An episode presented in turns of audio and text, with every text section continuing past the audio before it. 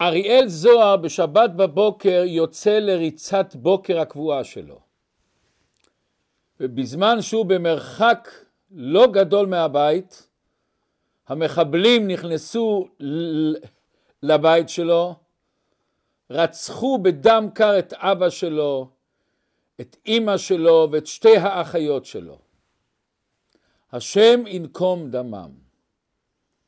אוריאל נותר לבד מכל משפחתו. רק הוא שרד את התופת.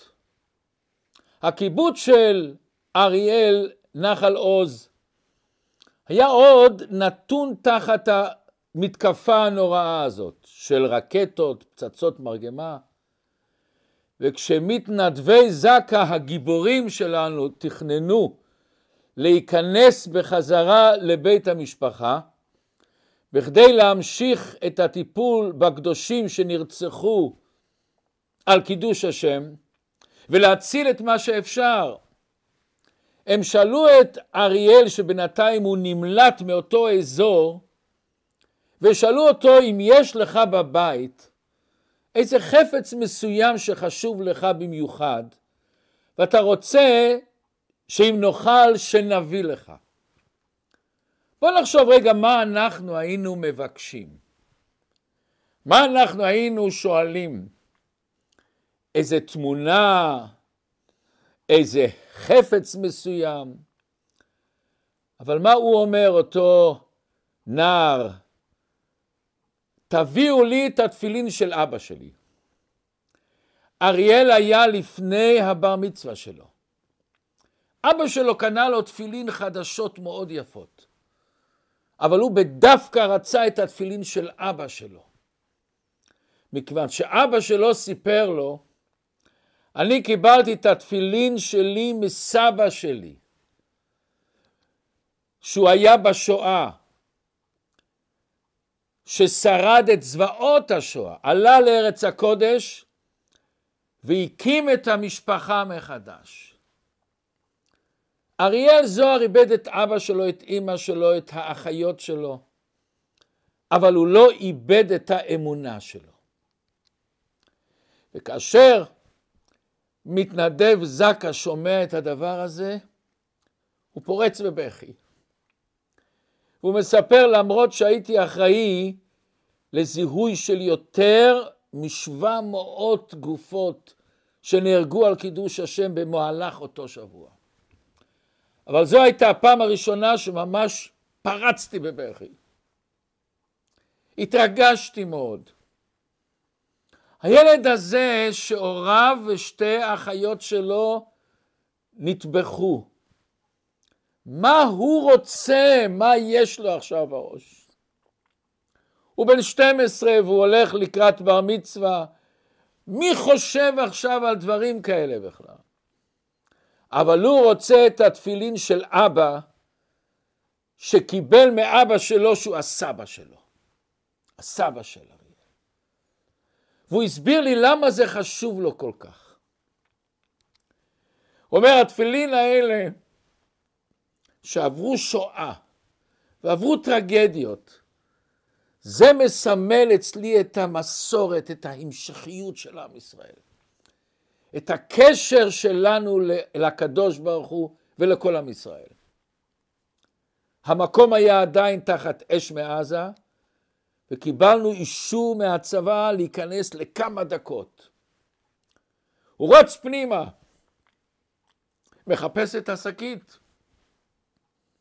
ומוצא את השקית שרופה לגמרי. השקית של התפילין לגמרי שרופה. ובהתרגשות הוא מנסה בקושי לפתוח את הריצ'רץ הזה של השקית, והתפילין שלמות לגמרי. התפילין לגמרי שלמות. והוא יוצא איתי החוצה. והוא בא ומתאר לי את השמחה הגדולה שהוא מצא את התפילין האלה. הוא נשמע כמו השמחה הזאת שצנחנים ישראלים ב-1967 צעקו ברדיו, הר הבית בידינו. ואז הולכים לחגוג את הבר מצווה.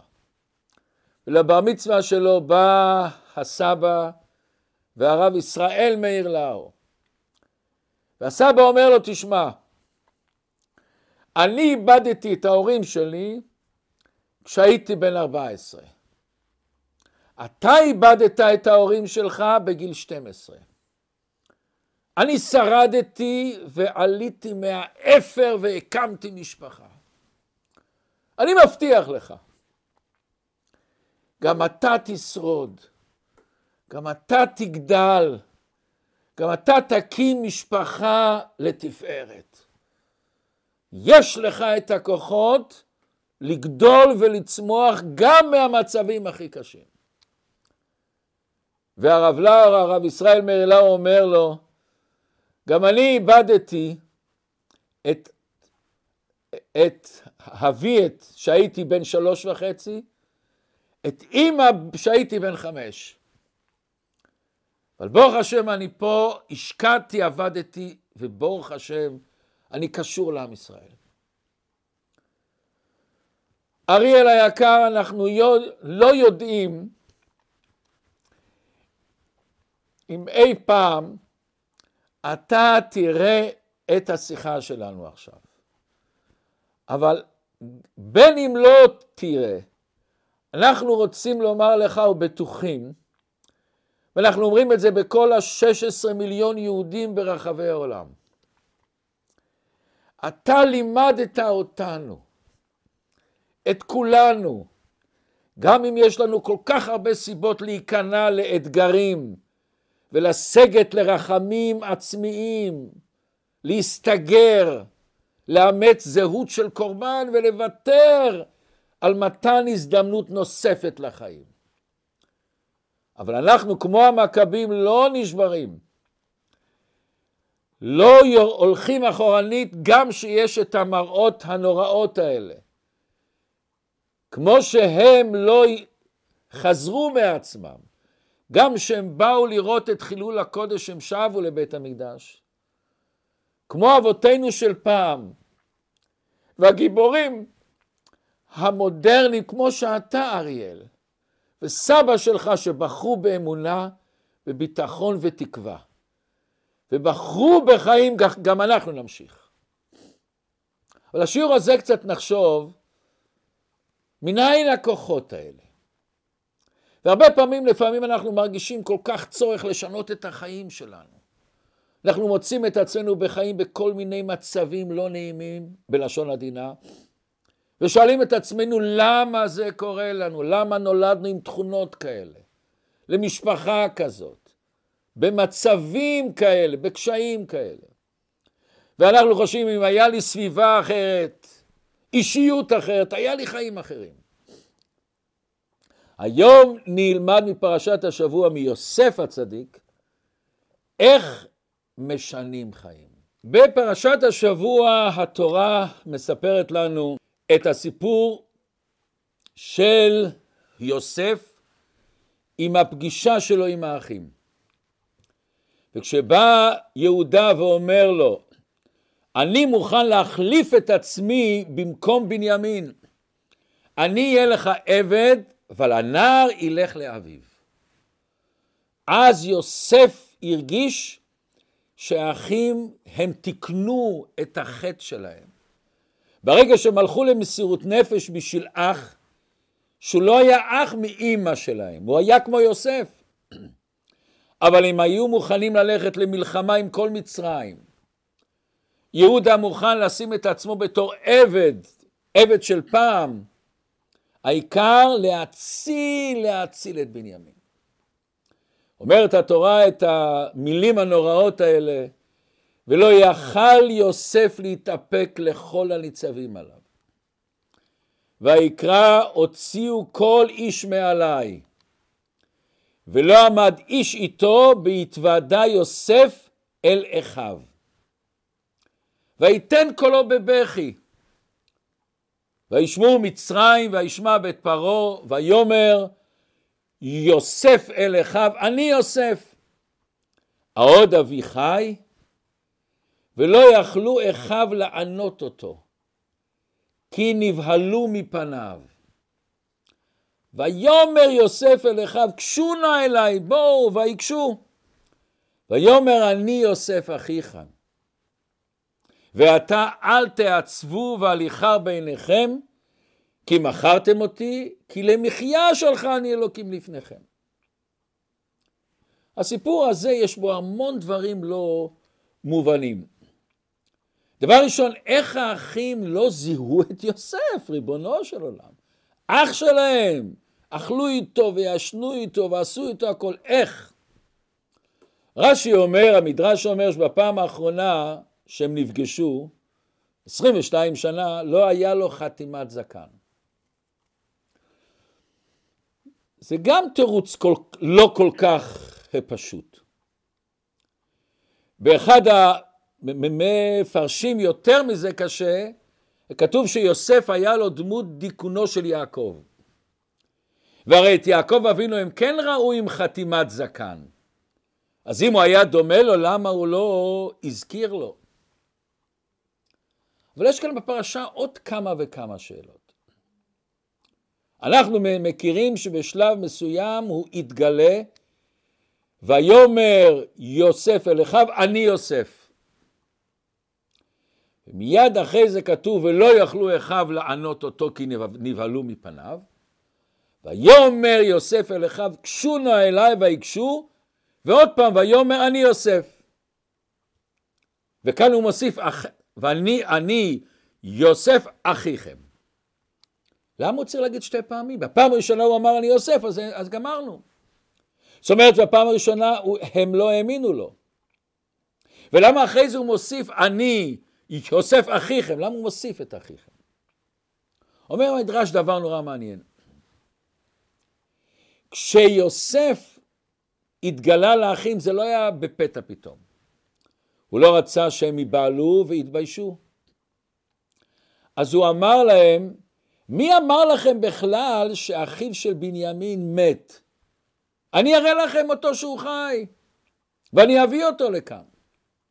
ואז הוא קורב, יוסף בן יעקב בוא לכאן. וכשהם שומעים את זה, מסתכלים לארבע רוחות השמיים, לחדר הזה, מאיפה יבוא יוסף? ואז אחרי כמה זמן אומר להם יוסף, להיכן אתם מביטים? אני הוא יוסף. זאת אומרת, הוא התגלה להם קמעה קמעה, לא בפתע פתאום, כדי שלא לביישם, כדי שלא יקבלו שוק גדול. וזה הרמז שהוא אומר, בהתוודע יוסף אל אחיו. בהתחלה הוא נתן להם את התחושה שהוא חי, אבל הוא לא פה, הוא לא אני. שיקלו את העובדה הזאת, אבל השלב השני, והוא אמר אז אני יוסף. אבל גם זה לא מובן ריבונו של עולם. בפעם הראשונה שהוא אומר לו שאני יוסף, הם לא התחילו לחשוב אולי זה באמת יוסף? עוד יותר מזה, אנחנו מכירים את המדרש שהם באו למצרים בפעם הראשונה ושהוא מזמין אותם להצטרף לסעודה הממלכתית, הוא לוקח את הגביע, מקיש בו ואומר ראובן הוא הבכור יושב בראש השולחן. וכך הוא קורא לשבטים בזה אחר זה לפי הסדר שלהם. וכשהוא מגיע לבנימין לאחרון הוא אומר אני רואה כי לבנימין אין אם וגם לי אין אם, ישב בנימין עמי. זה לא עשה להם איזה איתות, איזה מנורה אדומה, אולי זה בכבוד יוסף. פלא פלאים. אנחנו לא היינו מזהים את אח שלנו, שלא רואים אותו 22 שנה, ובייחוד שמתיישבים איתו, לא אני רואה אותו ברחוב ככה דרך אגב. מתיישבים ואוכלים ועוד פעם נפגשים ועוד פעם נפגשים. לפני שאנחנו הולכים להמשיך את השיעור, רוצים לבקש שתיתנו תגובות לשיעורים, יש לכם שאלות, תשובות, תוספות, זה מאוד מאוד מחזק את השיעור. וגם לעשות מינויים ולייקים זה פשוט גורם שאותו חברה מפיצה יותר את השיעור הזה, וזה יכול להגיע לעוד ועוד ועוד יהודים טובים. בשיעור הקודם שלנו דיברנו על חוש השינה. מה זה חוש השינה? השיעור הזה נדבר על חוש הראייה. אנחנו יודעים שיש לבן אדם חמישה חושים. איזה חוש הוא החוש הכי חזק, הכי שולט עלינו? ראייה. כשאני שומע, אני אומר שמעתי, אבל אני לא בטוח ששמעתי. כשאני רואה משהו, אני בטוח. לכן על פי ההלכה אין עד נעשה דיין, למה? ברגע שאתה עד, אתה לא יכול להיות אובייקטיבי. גם אולי לא ראית נכון, אבל אתה לא יכול להיות, לחשוב שאולי זה לא נכון. אתה בטוח בעצמך, אין עד נעשה דיין. אבל ההיבט שזה לא בדיוק כל כך פשוט. שראייה זה ברור.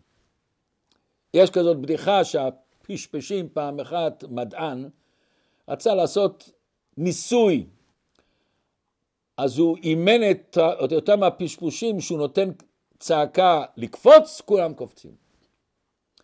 אחרי השלב הראשון, שכולם קפצו, הוא לוקח וקושר להם רגל אחת לגוף שלהם, ואומר להם לקפוץ, והם קופצים עם שלושה רגליים. ואז הוא כותב במחברת שלו, עם קשירת רגל אחת הם קופצים. אחרי זה הוא קושר את הרגל השנייה ושוב קופצים. ואז הוא קופץ, גם עם קשירת הרגל השנייה הם יכולים לקפוץ.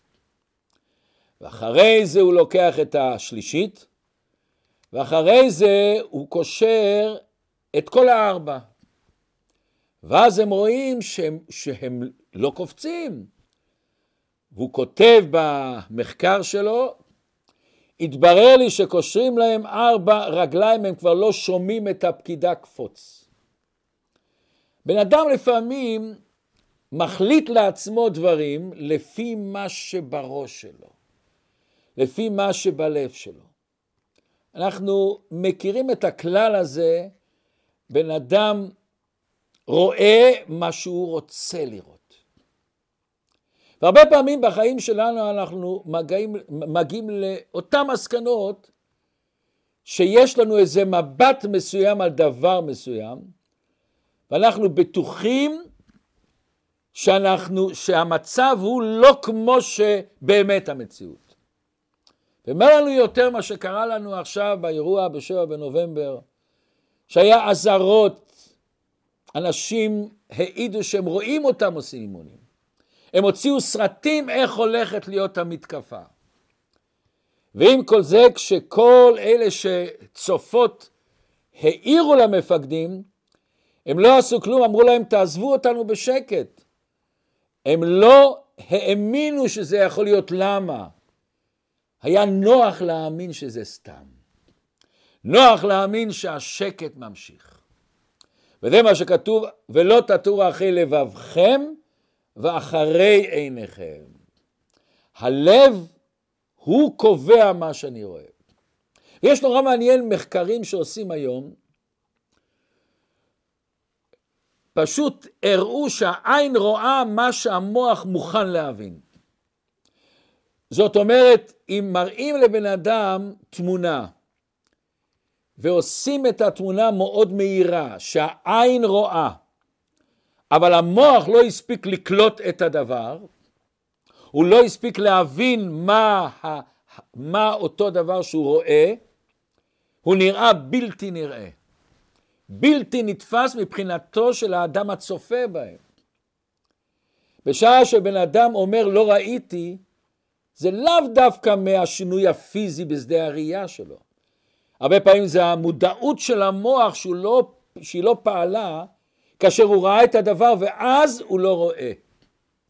זאת אומרת, הראייה תלויה בהבנה שלנו. הראייה תלויה גם במודעות שלנו. זאת אומרת, דבר נפלא, אני יכול לשנות את החיים שלי, אם המבט של החיים שלי, אם המבט שלי על החיים שלי יהיה אחר. אנחנו רואים שני אנשים חיים באותו משפחה, אבל אם המבט שלהם על החיים שונה, הם חיים בעולם אחר. זה דבר נפלא, עוצמה, עוצמה נפלאה. וזה בעצם אחד היסודות של חסידות חב"ד, חוכמה בינה דעת. המודעות, התפיסה שלך, יכולה לשנות את המבט ולשנות את ההרגשה באיזה חיים אתה חי. ובואו נראה דבר מדהים. כשאברהם שולח את הגר, והיא הולכת עם כד מים ונגמר המים. ואז מה, מה שכתוב? ויפקח השם את עיניה ותר באר מים ותלך ותמלא את החמת מים ותשק את הנהר. אבל לפני זה קרה עוד סיפור לפני זה, היא לא ראתה את זה סתם ככה. הגר לפני זה הייתה כל כך קשורה בכאב האישי שלה, ולא בכאב של הילד, שהתורה מספרת ויכלו המים מן החמת, והיא שלחה את הילד תחת אחד השיחים, ותלך ותשב לה מנגד, הרחק כמת ואחרי קשת, כי אמרה אל אראה במות הילד. ותישא את קולה ותפק. היא לא ראתה שיש באר על ידה. אחרי זה אומרת התורה שהקדוש ברוך הוא שמע את כל הנער בוכה, ואז נפקחו עיניה והיא ראתה את הבאר מים. למה היא לא ראתה לפני זה? כיוון שהייתה קשורה בכאב שלה. איך אימא מסוגלת לעשות כזה דבר, לזרוק את הבן שלה לאחד השיחים? ושיחים יכול להיות שיש קוצים, יש בעלי חיים שם. היא הייתה פשוט קשורה בעצמה. ולכן היא לא ראתה את הבאר מים שנמצא על ידה. איך זה, איך זה? הרבה פעמים אנחנו לא רואים את השני. הוא שקוף אצלנו. ויכול להיות בן או בת זוג השני או השנייה. הרבה פעמים אנחנו גם לא רואים את הילדים שלנו, אנחנו לא קולטים אותם כפי שהם. לא מבינים מה שהם עוברים, את ההרגשות שלהם, את הלחצים שלהם, את הצורת מחשבה שלהם, את התפיסה שלהם. ולכן אנחנו לא מבינים למה הם פועלים ככה. למה הם עושים דברים מסוימים שאני לא מסוגל להבין איך הוא עושה את זה. למה אנחנו לא מבינים כאשר ילד חס ושלום לא עלינו נכה ברגל? אנחנו מבינים שהוא לא יכול ללכת מהר, או לא יכול ללכת ישר. למה אם ילד פגיע, שהוא עבר איזה טראומה או איזה לחץ, איזה מצב לא טוב בבית, בבית ספר, עם חברים, למה לא נבין שקורה לו דבר מסוים ובאיזשהו מקום נכה מבחינה נפשית, הוא לא יכול ללכת ישר, הוא לא יכול ללכת מהר מבחינה רוחנית. הוא רואה דברים בצבע אחר. וזה מה שכתוב, אדם יראה לעיניים והשם יראה ללבב. מה, מה אומר הפסוק? אנחנו צריכים ללמוד מהדרכים של הקדוש ברוך הוא. לנסות להבין ולהרגיש את השני, לראות את הלב שלו. לראות לא רק מה שנראה במבט החיצוני. אחד התלמידי החכמים, תלמיד של רב נחמן מברזלו, רב נתן אמר פעם, גמרא קשה אני יכול להבין, תוספות קשה אני יכול להבין, אבל להבין אדם שקשה לו, זה כבר סיפור אחר. אנחנו צריכים לפתוח את הלב ולפתוח את העיניים, את העומק שבעיניים. וכשאני שואל את השני מה שלומך, והוא אומר ברוך השם הכל בסדר, ואני רואה בעיניים שלו, זה לא בסדר. איזו חכם הרואה את הנולד, את הפנימיות של הדבר, את מה שבא מהמילים האלה.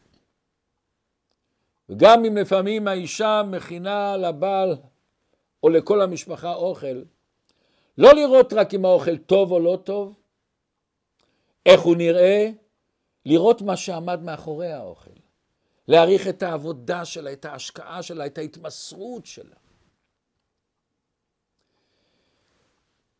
אני מכיר אחד שהיה ראש כולל בכפר חב"ד, קראו לו רב אברום הרש כהן. שמעתי שכל יום הוא קם בארבע, ארבע וחצי בבוקר, והוא הכין לאשתו כוס קפה על יד המיטה. כשהיא קמה כנראה הרבה יותר מאוחר, כבר הכוס הקפה הזה או הכוס תה הזה, כבר לא היה הכי טעים, כבר לא היה חם. אבל זה חימם לה את הלב.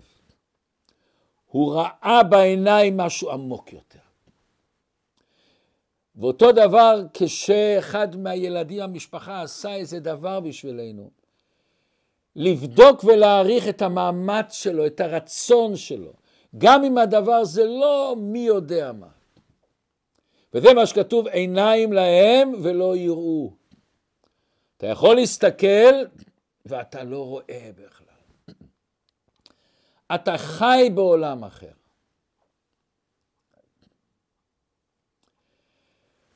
אז לפי זה נבין את הסיבה למה אחי יוסף לא ראו אותו. איך הם לא זיהו שזה יוסף. אנחנו יודעים שהסיפור הארוך ביותר בתורה הוא על חיי יוסף. אנחנו נראים אותו בתור נער, בתור ילד שאימו נפטרה. איך שהוא מתבגר וחולם את החלומות, השנאה של אחיו, המכירה שלו לעבד, איך שהוא נהפך להיות משנה למלך. הדמות השנייה הכי חזקה באימפריה הכי גדולה בעולם, מצרים. הדמות של יוסף מגלמת לנו את, הדבר הכי פרדוקסי שיש באדם. מבחוץ כתוב שהוא היה מסלסל בשערו, מייפה את עיניו, ולאחר מכן פתאום הוא נהפך להיות מדינאי, מנהיג צעיר, דיפלומט, פוליטיקאי וכלכלן חכם עצום. אבל מתחת כל הצורה החיצונית הזאת, מסתתר יוסף הצדיק, שעמד בניסיונות עצומים בארץ זהה, ארץ שאף אחד לא מכיר אותו. הוא עבר אחרי את הטראומה שכל בן אדם היה עובר, שהאחים מוכרים אותו. איך הוא צריך להרגיש כזה דבר? אבל תראו את העוצמה של יוסף. את האמונה העצומה שיש לו בקדוש ברוך הוא. את המסירות העצומה שיש לו לעב... לעבודת השם. את ההרגשה הפנימית שכל מה שנעשה זה שליחות מהקדוש ברוך הוא. עד כדי כך שאין לו פתע לאחים. וכאשר הם מבקשים ממנו סליחה, הוא אומר להם, לא אתם שלחתם אותי הנה, כי האלוקי וישימני לאב לפרעה ולאדון לכל ביתו ומושל בכל ארץ מצרים. כאשר יעקב נפטר, האחים באים ליוסף ואומרים לו, אבא שלך ציווה אותנו לפני מותו, לכו ליוסף ותגיד לו ש... ש... שיסלח לכם. ומה הוא עושה? ויף, ויף יוסף. למה הוא בכה? מה הוא בכה? הם אומרים, אבא שלך ביקש שתסלח, אז מה, מה הוא בוכה? מסבירים המפרשים, הוא בוכה אם הם מבקשים סליחה, זאת אומרת שהם עוד לא מרגישים שאצלי בכלל לא היה שום דבר. כמו שאמרתי מקודם, אני מרגיש את השליחות של הקדוש ברוך הוא. אז כאב ליוסף, האחים מרגישים רע. והם מרגישים רע בגללי, ריבונו של עולם. והם הולכים לבקש ממני סליחה, ואני כל כך לא מבין איך, איך, על מה יש לסלוח. זה הכל שליחות של הקדוש ברוך הוא בכל מקום. וזה כל כך כואב לו הצער שלהם שהוא בוכה. הוא הרגיש באמת שמה שמכרו אותו זה השגחה פרטית, השם ייעד אותך לעשות את השליחות הזאת דווקא במצרים. וכאב לו, כאב לו, כאב לו מאוד למה הם מרגישים צער וכאב. עכשיו, מה באמת היה שורש המחלוקת בין השבטים ליוסף? ולמה באמת הם לא זיהו אותו? השבטים אנחנו יודעים היו רועי צאן. מוסבר בחסידות, הם לא רצו קשר עם העולם הגשמי. הם רצו להתנתק מהעולם הפיזי. הם, כל השאיפה שלהם הייתה להתעלות למעלה. הם חששו שקשר לעולם הזה עוצר אותם בעבודת השם. שיטתו של יוסף הייתה שיטה אחרת. הוא היה כמו שמו. השם שלו יוסף השם לי בן אחר, כך אימא שלו נתנה לו. אומר עצם הצדק, מה הפירוש של המילה הזאת? כל המטרה של יוסף היה להביא לקדוש ברוך הוא בן אחר. מה זה אחר? בן שנפרד. בן שאין לו קשר לקדוש ברוך הוא. כמו שאלישע בן אבוה שהוא ירד מהדרך, איך הוא היה נקרא אחר? יוסף השם לי בן אחר, הוא יביא לי בנים אחרים. ולכן גם מה שנראה בעולם הגשמי משהו כנפרד מהאלוקות, אמר יוסף אנחנו צריכים להעלות אותו לקדושה. בא יוסף ואמר תכלית הבריאה היא לזכח את העולם הגשמי. להעלות אותו לקדושה כמו שכתוב, נתהווה הקדוש ברוך הוא להיות לו דירה בתחתונים בעולם הגשמי. ולכן הקדוש ברוך הוא סיבב שהוא יבוא למצרים, שהוא יהיה בעמקי הקליפות, בעמקי הקליפות. ושמה הוא ירומם. עד כדי כך שכתוב שבאו המצרים לבקש ממנו אוכל, הוא אמר להם, אתם רוצים אוכל ואין לכם כסף, תעשו ברית מילה. הוא עשה ברית מילה במצרים. ולא ניכנס עכשיו בהלכה בשביל מה זה. אבל השבטים ראו בשיטה של יוסף סכנה. סכנה גדולה לעבודת השם. ומכיוון שהם אלה שיוצרים את הדרך שעם ישראל ילך הלאה, חס ושלום בשיטה הזאת עם ישראל יוכל לרדת ולהתבולל בין העמים. וזה בעצם היה שורש המחלוקת בין יוסף לשבטים, מחלוקת לשם שמיים. השבטים רצו להציל את עם ישראל, הם לא האמינו שאדם יכול להיות קשור לענייני העולם הזה ולהיות קשור גם לקדוש ברוך הוא ולתורה. ולכן ויקרא יוסף את אחיו, הוא הכיר אותם. אבל והם לא הכירו, למה? יוסף בן ניקל, מאוד קל לו לזהות את הקדושה של האחים שלו. הם לא קשורים לעולם הזה, כולם בעבודת השם, בהתמסרות מלאה. להם היה שיטה אחרת. אבל האחים לא הכירו את יוסף. במודעות הגבוהה שלהם בעבודת השם, איך יכול להיות ריבונו שלהם אדם שולט על מצרים, משנה למלך, עסוק בדיפלומטיה, אחראי על הכלכלה של מצרים. ואז הכלכלה של מצרים הייתה גם הכלכלה של כל העולם בשל אותו תקופה. עסוק בענייני חומר, מי, איך זה יכול להיות שיוסף? זה לא יכול להיות. הם ראו מה שבליבם ומה שבמוחם. אדם רואה לפי מה שהוא ולפי מה שהוא רוצה לראות. הם לא רצו לראות יוסף שפועל בעולם הגשמי, זה היה מושלל כזה יוסף. ולכן עכשיו נוכל להבין. אמרנו במה שאומר המדרש, שזה הלך אצלם שלב שלב. השלב ראשון הוא אמר להם, אני אראה לכם את יוסף. והם חיפשו אותו בחדר ולא מצאו אותו. הוא רצה להכניס להם שיש יוסף, לא שהוא יוסף, זה היה בכלל מושלל אצלם, אבל יש איזה יוסף. ואחרי שהם חיפשו את יוסף ולא מצאו אותו בחדר, אומר, אומרת התורה, ויאמר יוסף אל אחיו, קשו נא אליי, ויקשו. ויאמר אני יוסף אחיכם. למה הוא צריך להגיד להם ויקשו? מה זה ויקשו? הם היו באותו חדר, הם לא היו רחוקים. ולמה הוא מוסיף עוד פעם, ויאמר אני יוסף אחיכם? הוא אומר להם, בואו תתקרבו אליי.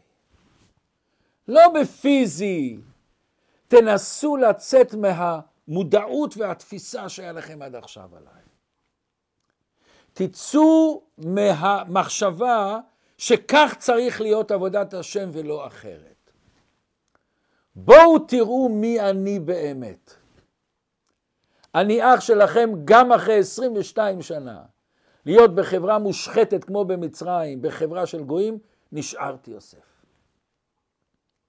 אומר הזוהר הקדוש דבר נפלא.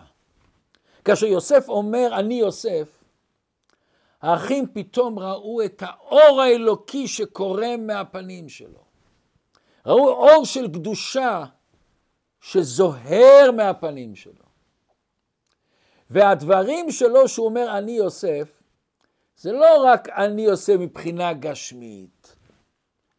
יוסף גילה להם אני, מי אני תדעו לכם. אני יוסף. המטרה שלי לקרב, לברר את העולם, לרדת ו... לעולם ולזכח אותו מבחינה קדושה.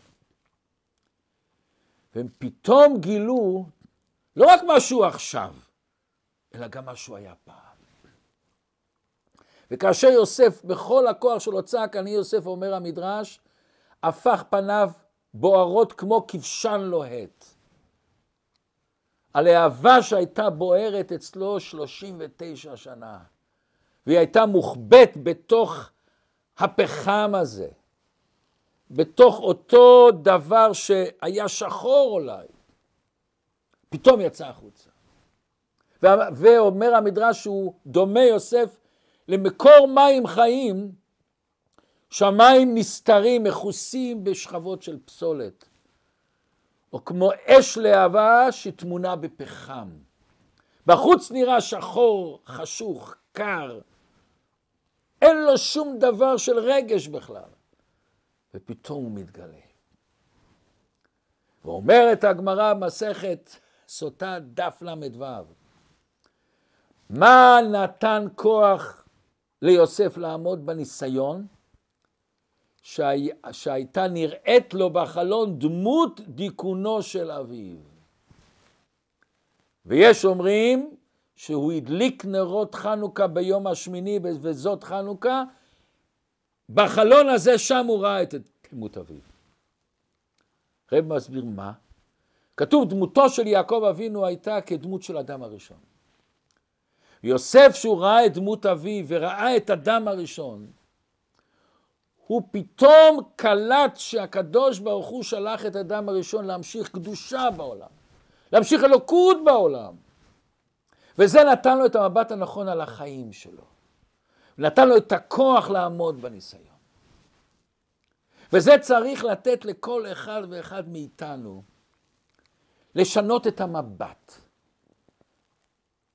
לשנות את המבט שלי על החיים שלי. ולראות בכל שלב ושלב שיש לי שליחות מיוחדת. שהשם בכוונה מכוון אותי למקום הזה, להיות במקום הזה. דווקא במקום הזה אני מגלה את השליחות שלי. השפת אמת, רבי יהודה אריה לייב אלתר, שנולד בשנת התר"ז ונפטר בשנת תרס"ה. הוא היה האדמו"ר ושלשלת של חסידי גור, עשה ספר מפורסם שפת אמת. הוא היה מן, הוא בין הבולטים בכל מנהיגי יהדות פולין. הוא כותב שיוסף זה לא רק דמות של בן אדם.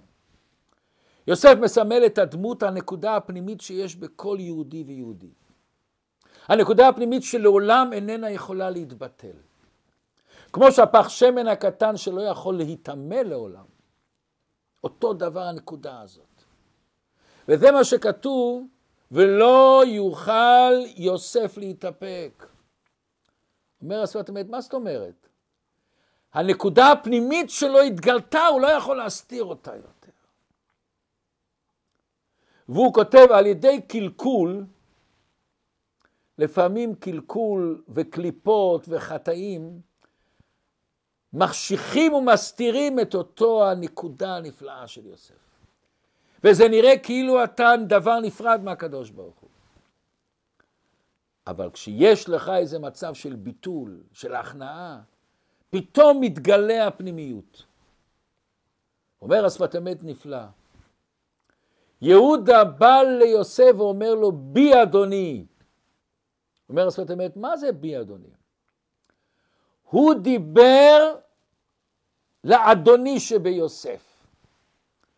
יהודה האמין שבכל מקום יש בפנימיות חיות של הקדוש ברוך הוא. בכל אדם יש את החיות הזאת. זה נסתר, אתה לא יודע איך, אבל יש. בי אדוני גילה, גילה בו את הכוח הנפלא הזה של יוסף שיש לכל אחד. ואותו דבר כל אחד ואחד מאיתנו. הרבה פעמים אנחנו חושבים, אילו היינו רק נולדים במשפחה אחרת.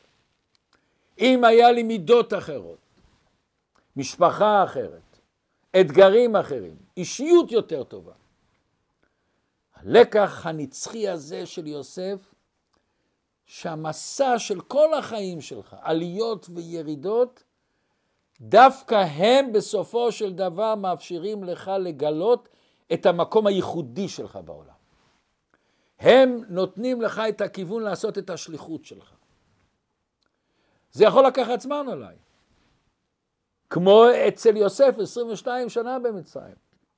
אבל דווקא זה מעניק לך את האינטימיות העמוקה ביותר שלך עם הקדוש ברוך הוא.